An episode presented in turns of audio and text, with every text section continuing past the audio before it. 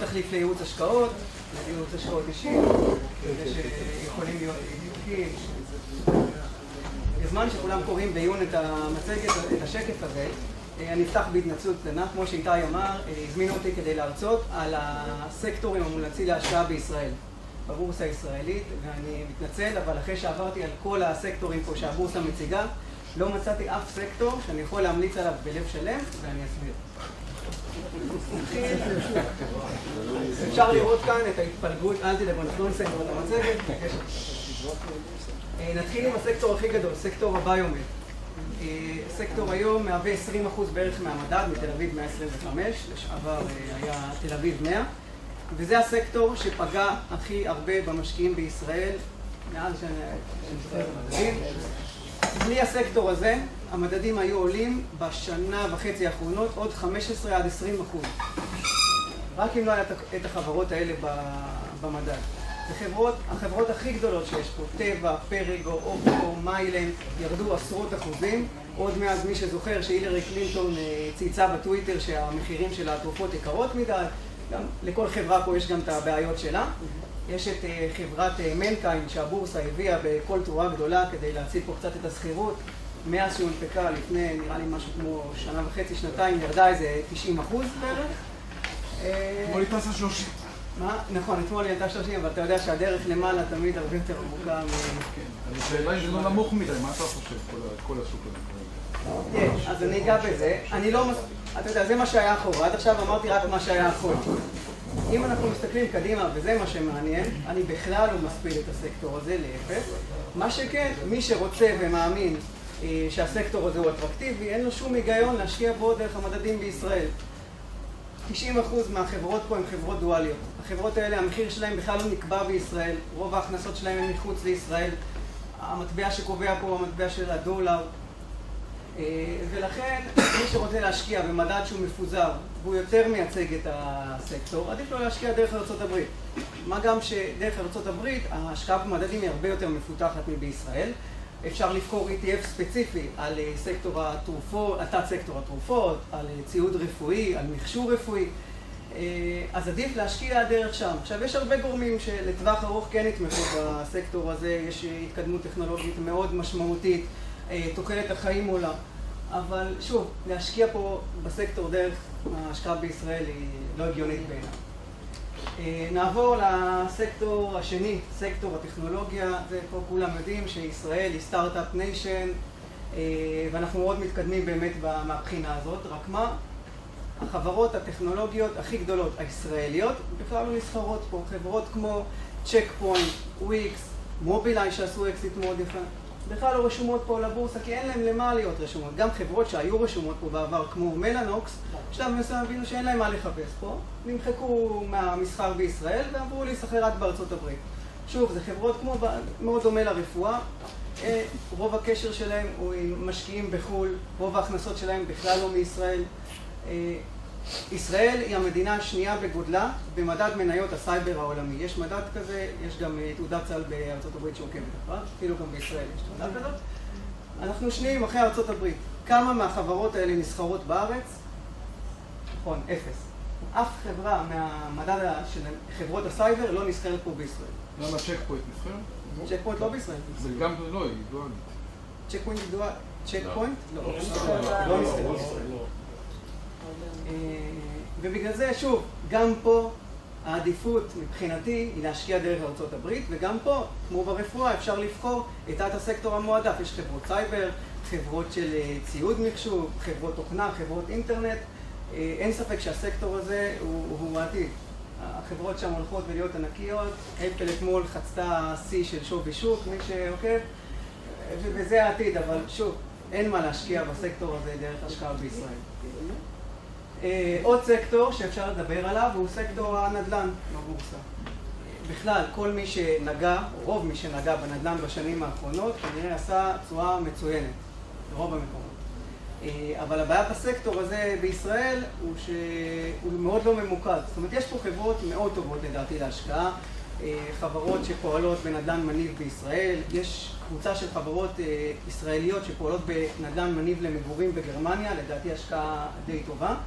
אה, רק שבמיקס הזה, בתמהיל שיש פה בסקטור, יש גם חברות שהן חברות ביצוע, חברות ייזום, שאני חושב שהסיכון שם, נכון לעכשיו, עלה משמעותית. אה, יש שם חברות שהן בתי אבות. אני חושב שלהשקיע במדד הזה עדיף לבחור את החברות ספציפית ולא להשקיע בסקטור אה, בתור סקטור, נכון להיום. הבנקים זה סקטור אמיתי, זה סקטור שבאמת מייצג את הכלכלה הישראלית, גם אפשר להגדיר אותו באמת בתור סקטור. אם הייתי מעביר את המצגת הזאת לפני שנה, סוג של חוכמה בדיעבד, זה כנראה היה הסקטור המומלץ פה, כי הם היו בתמחור חסר משמעותי. אה, אבל בשנה האחרונה הם עשו יפה מאוד, ואולי הם קצת עדיין זולים יחסית לבנקים במקומות אחרים בעולם, אבל אה, אני חושב שהם יעשו די דומה לתשואה של. אי אפשר ככה. חושב שהם יעשו די דומה לתשואה של השוק, ובגלל זה קשה לי להמליץ עליהם אה, בלב שלם. אפשר לעבור ככה חלק-חלק בשקף הזה, אבל אני לא בן אדם שלילי, אז אני כן מצאתי אה, כמה מגזרים שאני חושב שיעשו תשואה טובה בעתיד. נתחיל עם סקטור האשראי החוץ-בנקאי אה, והקדמה קצרה. אני יודע מה 90% מהאנשים פה חושבים שהם רואים את השקף הזה, עולה הקונוטציה בראש, שוק אפור, גבייה אגרסיבית. אה, אני לא אתווכח, אני גם הייתי שם, אני גם... זאת המחשבה הראשונה שלי כשהתחלנו להיפגש עם החברות האלה. אבל אחרי אה, הרבה מאוד פגישות, במיוחד עם החברות האלה, שהן החברות הגדולות שפועלות פה בישראל, אה, ולא הסתפקנו בפגישות, גם הלכנו אליהם וראינו איך הם, ישבנו איתם, ראינו איך הם אה, פועלים, איך הם ניגשים ללקוח, איך הם מנהלים, מנהלות את הסיכונים שלהם אה, ואת המקצועיות של האנשים שמנהלים את החברות האלה. אני יכול להגיד ש... שהרושם הראשוני פה הוא מטעה, אין, אה, אין פה ספק. אה, זה סקטור שהולך ומתפתח, זה רק החברות הגדולות, יש עוד כמה חברות יותר קטנות שנסחרות פה במדדים. אה, מבחינת המנועי צמיחה שאני רואה שם, זה הסדרת התחום מבחינה רגולטורית. אה, דיברתי על ההנהלות ועל הבעלים של החברות האלה, הם יושבים ומייעצים לוועדות של הכנסת. התחום הזה הולך להיות מוסדר, הולך להתפרסם בקרוב חוק אשראי הוגן, שהולך להסדיר את התחום הזה. מה שההסדרה תעשה אה, להערכתי זה תוציא את החברות הקטנות, אני לא מדבר על החברות הבורסאיות בעיקר, אבל יש הרבה צ'יינג'ים שעושים גם אה, סוג כזה של פעילות. בעצם מה שהחברות האלה עושות זה ניקיון צ'קים. ניקיון צ'קים יכול להיות בשתי צורות. צורה אחת זה אני מקבל צ'ק מצד ג' והצ'ק הוא דחוי לעוד חצי שנה ואני צריך את המזומן עכשיו. למה אני אצטרך את המזומן עכשיו? כי אני צריך לשלם אה, משכורות לעובדים שלי, מה לעשות בסוף החודש, והמוסר התשלומים בישראל הוא שוטף פלוס הרבה. אז uh, אני הולך לחברות האלה, נותן להם את הצ'קים, מסב אותם אליהם, ומקבל מזומן בניכוי עמלה או ריבית, כל אחד שיקרא לזה איך שהוא רוצה. Uh, הסוג השני של הפעילות זה בעצם אשראי בתחפושת. זה אומר שאני uh, רוצה הלוואה, אני הולך ונותן לחברות האלה צ'ק שלי, צ'ק לעוד חצי שנה לדוגמה, ומקבל את המזומן עכשיו. זה בעצם סוג של הלוואה. אה, והמנועי צמיחה שבכלל אה, יהיו בתחום הזה, זה צמיחה בכלכלה, זה דבר ראשון. ברגע שהכלכלה צומחת, התיאבון לאשראי עולה, חברות משקיעות יותר וצריכות יותר אשראי. ירידה בהוצאות המימון, משהו מאוד מאוד אה, משמעותי לחברות האלה. אם חברה כמו אחים נאווי, שבאו לפני, אני חושב, משהו כמו שנתיים, בפעם הראשונה לשוק ההון, עוד בהתחלה לא אישרו להם בכלל, בנק ישראל לא אישר להם לגייס אג"ח. אחרי זה אישרו להם והם גייסו בריביות יחסית גבוהות. היום אג"ח של החברה הזאת נסחר, נסחר בתשואה לפדיון אה, של פחות מאחוז וחצי לעוד שנתיים. זה ריביות מאוד מאוד נמוכות. עכשיו תחשבו בראש מה קורה שהן מלוות למישהו, לצורך העניין בממוצע של 10-15 אחוז, ומגייסות מהציבור או מהבנקים בריביות כאלה נמוכות, לאן התשואה להון עוד הולכת לעלות. כל החברות האלה דרך אגב מדברות על זה ששיעורי המימון שלהם, עלויות המימון הולכות ויורדות ולכן אני חושב שזה יהיה מנוע צמיחה משמעותי בעתיד. מבחינת איומים, אז אה, עלייה בשיעור חובות המסופקים, אין מה לעשות, כל מי שעוסק באשראי, יש לו בסוף גם חובות מסופקים. היום החובות מסופקים של החברות האלה לא, שונות, לא שונים משמעותית מהבנקים. וצריך לשאול למה, הרי האשראי של החברות האלה מן הסתם הוא הרבה יותר מסוכן מהאשראי של הבנקים, לא צריך אה, לא, לא נתווכח על זה. יש להם אמצעי גבייה נוחים. זה גם עלה לי בראש, אבל התשובה, או חלק מהתשובה, זה שהאשראי שהחברות האלה נותנות הוא אשראי מאוד מאוד קצר. ממוצע הוא כמה חודשים, החברות האלה ביחד. ואם אה, לקוח שלהם אה, נכנס לקשיי גבייה, אז הם ישימו לב א' לפני הבנקים, כי הם עובדים איתו בשוטף בתחום הזה, והאפשרות שלהם לסגור את הפוזיציה אצל הלקוח זה פשוט לחכות, להמתין כמה חודשים והאשראי ייפדה. עכשיו, בתחום של ניקיון צ'קים, גם יש להם עוד אופציה. הם יכולים הרי לפנות גם לכותב הצ'ק וגם למושך הצ'ק. זאת אומרת, יש שם ביטחון כפול. גם למי שנתן את הצ'ק וגם מי שהפקיד שם את הצ'ק, ולכן אה, החובות המסופקים שלהם כרגע הם לא גדולים. זה יכול לעלות בעתיד, זה סיכון, זה סיכון שצריך לקחת אותו בחשבון, אבל אה, סך הכל זה נראה כרגע מבוקר. אה, ועלייה בריבית, זה הצד השני של הירידה בשיעורי המימון. אנחנו נמצאים בסביבה של ריבית אפסית, ויכול להיות שהריבית הזאת תעלה בעתיד. בנק ישראל מדבר על שנה הבאה, לא אתווכח. ועלייה משמעותית, מעבר לרבע אחוז, חצי אחוז, אפילו אחוז, אה, כן תפגע בפעילות של החברות האלה. הסקטור הבא, או המגזר הבא שאני רוצה לדבר עליו, זה חברות צריכה, זה חברות צריכה שמוטות אה, לשוק הישראלי. אה, בכלל, הצריכה הפרטית היא מה שמובילה את הצמיחה פה בתמ"ג. אנחנו יודעים שהקניונים פה מפוצצים, כל מי שיוצא החוצה עכשיו יכול לראות שאין מקומות חניה גם עכשיו בצהריים. ויש הרבה, הרבה הסברים וסיבות למה הצריכה הפרטית פה כל כך חזקה, כמו כניסה של אוכלוסיות נוספות לשוק העבודה. אה, משהו שהולך להיות מאוד משמעותי לדעתי בתקופה הקרובה זה הרפורמה של משרד האוצר, אה, משפחה נטו או נטו למשפחה. אה, מה שהרפורמה הזאת בעצם תעשה בגדול, היא תעביר כסף לעשירונים התחתונים ולמעמד הביניים. עכשיו, מחקרים מראים שכל שקל שהולך לעשירונים האלה מופנה לצריכה. בניגוד, אם עכשיו, אם עכשיו משרד האוצר היה מעביר דווקא כספים לעשירון העליון, אז חלק מהכסף היה הולך לחיסכון, שהוא לא תומך בצריכה הפרטית, ולכן אה, אני חושב שזה משהו שצפוי לתרום בעתיד לחברות האלה. יהיו עוד צעדים נוספים, מן הסתם, להורדת יוקר המחיה, מה לעשות, אנחנו תמיד בישראל או אחרי בחירות או לפני בחירות, אז אחרי בחירות כבר לא צריך לקיים את ההבטחות, אבל כנראה שאנחנו קצת לפני בחירות עכשיו, ויהיו צעדים נוספים. אה, והחברות האלה ממשיכות להתייעל. איך הן מתייעלות? אם על ידי אה, פתיחה של אה, מרכזים לוגיסטיים, הייתי לא מזמן במרכז הלוגיסטי החדש של סופרזל, אז אחרי שהתאוששתי שם מהקור של המינוס 14 מעלות, אפשר לראות את היעילות שם ואת המיכון, הכל מאוד חדשני. זה משהו שהולך לתרום אה, לחברות האלה. אה, וגם פה יש איומים, מה לעשות. יכול להיות הרעה במצב הכלכלי בישראל. לא משהו שאנחנו נותנים לו עכשיו אה, הסתברות מאוד גבוהה, אבל זה יכול להיות. רגולציה, כמובן שיכולה להקשות. משהו מאוד מהותי זה קושי בהעלאת מחירים. היום, אחרי המחאה החברתית, לחברות מאוד מאוד קשה להעלות מחירים. א', בגלל התקשורת, כל חברה שמעלה מחיר מסתכנת בזה שהיא תיכנס לרדאר של אחד מהעיתונים, אין מה לעשות, צריך למלא הרבה עיתונים כל יום, אז מחפשים את החברות האלה. אה, והדבר השני, שהוא משמעותי לדעתי, והוא גם ילווה אותנו קדימה, שאנחנו נמצאים היום בעידן המידע. מה זה אומר עידן המידע?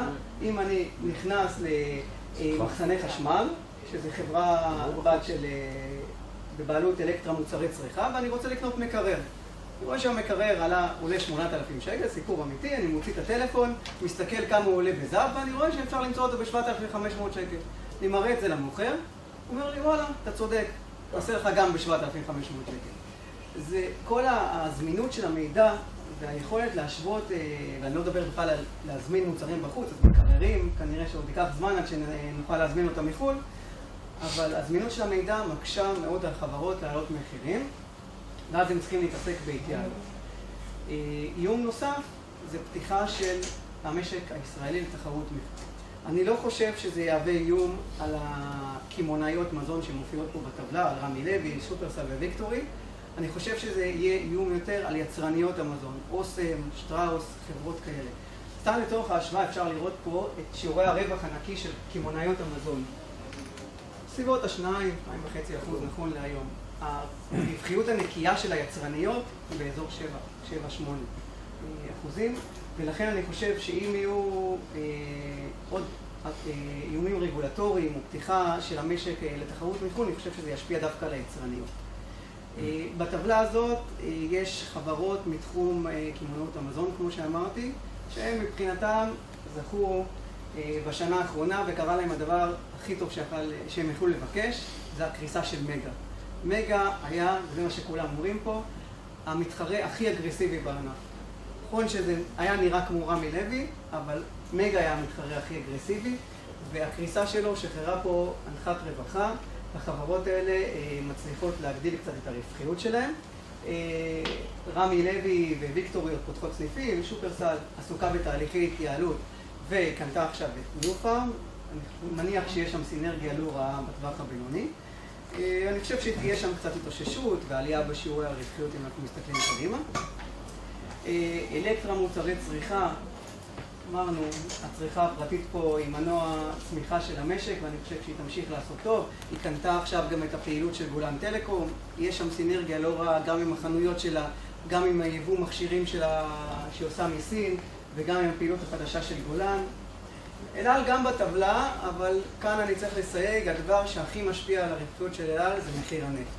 זה נכון שעלייה ברמת החיים והטיסות לחו"ל והתורים בנתב"ג שיוצאים החוצה הם לא רעים לאל על, אבל מחיר הנפט, שאני לא יודע לחזור אותו, מתנצל, אה, הוא הכי משפיע על הרווחיות שלנו. והמגזר השלישי והאחרון שאני רוצה להמליץ עליו הוא מגזר חברות ה-IT בישראל. חברות ה-IT בישראל, בגדול, מה, מה הן עושות? נותנות שירותי מחשוב, סייבר, תקשורת, הקמת רשתות אה, לחברות. עכשיו, זה לא חייב להיות רק אה, עסקים קטנים. לצורך העניין, בנק פועלים הצטרף לחילנקו בתור לקוח והוציא החוצה חלק מהפעילות של אה, ניהול משאבי אנוש וניהול זמנים שהוא עשה עד עכשיו בתוכו. הרציונל הדבר הזה שחברות רוצות להתמקד במה שהן יודעות לעשות. אם אני עכשיו לצורך העניין עסק קטן, אני לא רוצה לקחת בן אדם במשרה מלאה שיעשה לי את הרשתות. יכול להיות שהוא יודע לעשות רשתות, אבל יכול להיות שהוא לא יודע לעשות סייבר. אני צריך לחפש עוד מישהו שיודע לעזור לי בתחום של הסייבר, ועוד מישהו שיקים לי מרכזייה. יש מגמה הולכת ועולה של הוצאת כל הפעילויות שמחוץ לפעילות הליבה של החברות אה, למיקור חוץ. אני מניח שהמגמה הזאת תמשיך. אה, אותו דבר זה גם מעבר למחשוב ענן. מחשוב ענן יצר מהפכה בעסקים. זה אומר שעסקים לא צריכים לשמור אצלם שרתים אה, ולהשקיע כל כמה שנים בשרת חדש, בשדרוג השרת, בהתאמה למספר, למספר העובדים. אם העסק צומח להגדיל, ואם העסק מתכווץ אפשר קצת להקטין את העלויות. המעבר למחשוב ענן נותן לעסקים גמישות ויכולת להתעסק במה שבאמת חשוב, וזה משהו מהותי. בחברות האלה יש יתרון מאוד גדול לגודל. בגלל זה גם בטבלה פה הבאתי את החברות הגדולות בעיקר, אה, והיתרון הזה גורם למגמה של אה, מיזוגים ורכישות. אני מניח שהמגמה הזאת תימשך. החברות האלה רוכשות הרבה, בעיקר חברות יותר קטנות, אבל יכול להיות פה גם אה, מיזוג של חברות גדולות. וזה יתרון מאוד גדול של החברות הגדולות. החברות גם יכולות להתרחב לשווקי חו"ל, אבל מרבית הפעילות שלהן היא בארץ. לגבי רגולציה, עד עכשיו רגולציה תמיד היוותה איום על כל החברות שאמרתי. אצל החברות האלה רגולציה זה הזדמנות. הלקוח הכי גדול שלהם הוא המגזר הפיננסי. מי שמכיר פה את המגזר הפיננסי מבפנים יודע שכל כמה ימים משתנה רגולציה, כל כמה שנים מחזירים מחדש את הרגולציה הקודמת, וכדי שיצליחו לעמוד ברגולציה הזאת, הם חייבים אה, שיהיה להם תשתית אה, מחשוב רצינית וגמישה, ולכן החברות האלה מאוד מאוד נהנות מהמצב. אה, עוד לקוח משמעותי שלא כתבתי את זה פה, זה המגזר הממשלתי. מי ששם לב, מהפך, אפשר לשלוח למשרדי ממשלה מיילים. לא צריך לחפש פקס אצל השכנים, לא לכולם, אבל חלק מהמשרדים אפשר לשלוח כבר מיילים. הם גם הגיעו לשנות האלפיים סוף סוף, והם לקוח מאוד גדול של החברות האלה. יש תהליכי מחשוב שקורים איטיים, אבל הם קורים במשרדי הממשלה, אה, ואני חושב שזה גם אה, ייתן אה, תרומה לצמיחה בעתיד. מנוע צמיחה משמעותי מאוד זה איומי סייבר. אין כמו פחד בשביל החברות האלה. אנחנו יודעים שהיום לא צריך להיכנס לבנק כדי לשדוד אותו, אפשר לשבת ברוסיה או במקום או בסין ולשדוד אותו מרחוק. זה משהו שהוא מאוד מאוד מהותי, במיוחד למגזר הפיננסי. גם מקומות אחרים, אבל במיוחד למגזר הפיננסי. הרבה חברות נפרצו, לא על כולם מספרים, כדי לא לפגוע במוניטין של החברות. איומי סייבר זה מנוע צמיחה משמעותי של החברות האלה. ארגון, לא משנה באיזה גודל, לא יכול להתמודד עם האיומים האלה רק על בסיס אנשים שהוא מעסיק, אלא חייב להוציא חלק מהפעילות הזאת במיקור חוץ, וזה תומך מאוד אה, בחברות. מבחינת איומים, יש גם פה, אה, האיום מה שאני חושב שאחד האיומים הגדולים זה השכר. השכר של כוח האדם הטכנולוגי בישראל הוא גבוה. אנחנו רואים מגמה שגם החברות האלה כבר מוציאות למיקור חוץ חלק מהפעילות שלהם למתכנתים מהודו וממקומות אחרים, ששם המשכורות הן זולות יותר. אבל אי אפשר להוציא את כל הפעילות החוצה, בכל זאת זה חברות ישראליות והפעילות שלהן היא בישראל. אם השכר במגזר הטכנולוגי ימשיך לעלות, הרווחיות של החברות האלה יכולה להיפגע. ואני חושב שזה איום אה, לא קטן על החברות שעובדות. כי היכולת היום להעלות מחירים בגלל התחרות היא לא, היא לא מאוד גדולה. יכול להיות עוד מצב שיכנס, אה, שתיכנס תחרות מחו"ל. יש הרבה חברות בינלאומיות בחו"ל שיכולות להחליט שהן פותחות פה זרוע אה, של IT, זרוע ישראלית של IT. שוב, הזכרתי יתרון לגודל, אז חברה מחו"ל כנראה תהיה חברה שהיא הרבה יותר גדולה מרוב החברות פה, ופעילות שלה בישראל יכולה להגדיל את התחרות בצורה משמעותית. האיום האחרון הוא הרעה במצב הכלכלי בישראל. אין ספק שהמצב הכלכלי טוב, ויש צמיחה, וסטארט-אפים, והמגזר הפיננסי הוא טוב, אה, רוצים להשקיע אה, במחשוב. ברגע שהכלכלה מאיטה, הדבר הראשון שחברות שהן לא חברות מחשוב אה, מקצצות בו, זה בתקציבי ה-IT שלהן.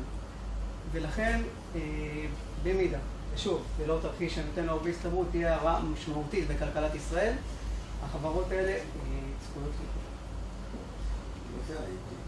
IT זה Information Technology, טכנולוגיית מידע. זה חלק מסקטור הטכנולוגיה כמה מילים עלינו, מה אנחנו עושים עם פסטרנק שוהם, אז אנחנו בעצם עוסקים בפעילות אחת בלבד, ניהול תיקי השקעות ללקוחות עמידים החל ממיליון שקל.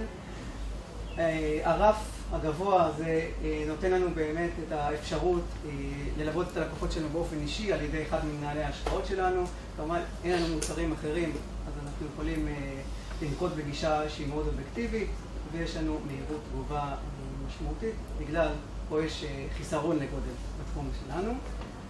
הצוות המקצועי היום מונה שבעה אנשי מקצוע, שישה מנהלי השקעות, כולנו באנו מבתי ההשקעות הכי גדולים בישראל, והצטרף אלינו גם ברי טף, מי שהיה הסגן של סטנלי פישר בבנק ישראל, בתור יועץ מקרו-כלכלי לוועדת ההשקעות. מי שירצה פרטים נוספים מופנה, מוזמן לפנות לקרין שיושבת פה, תשמח מאוד. זהו, יש עוד שאלות?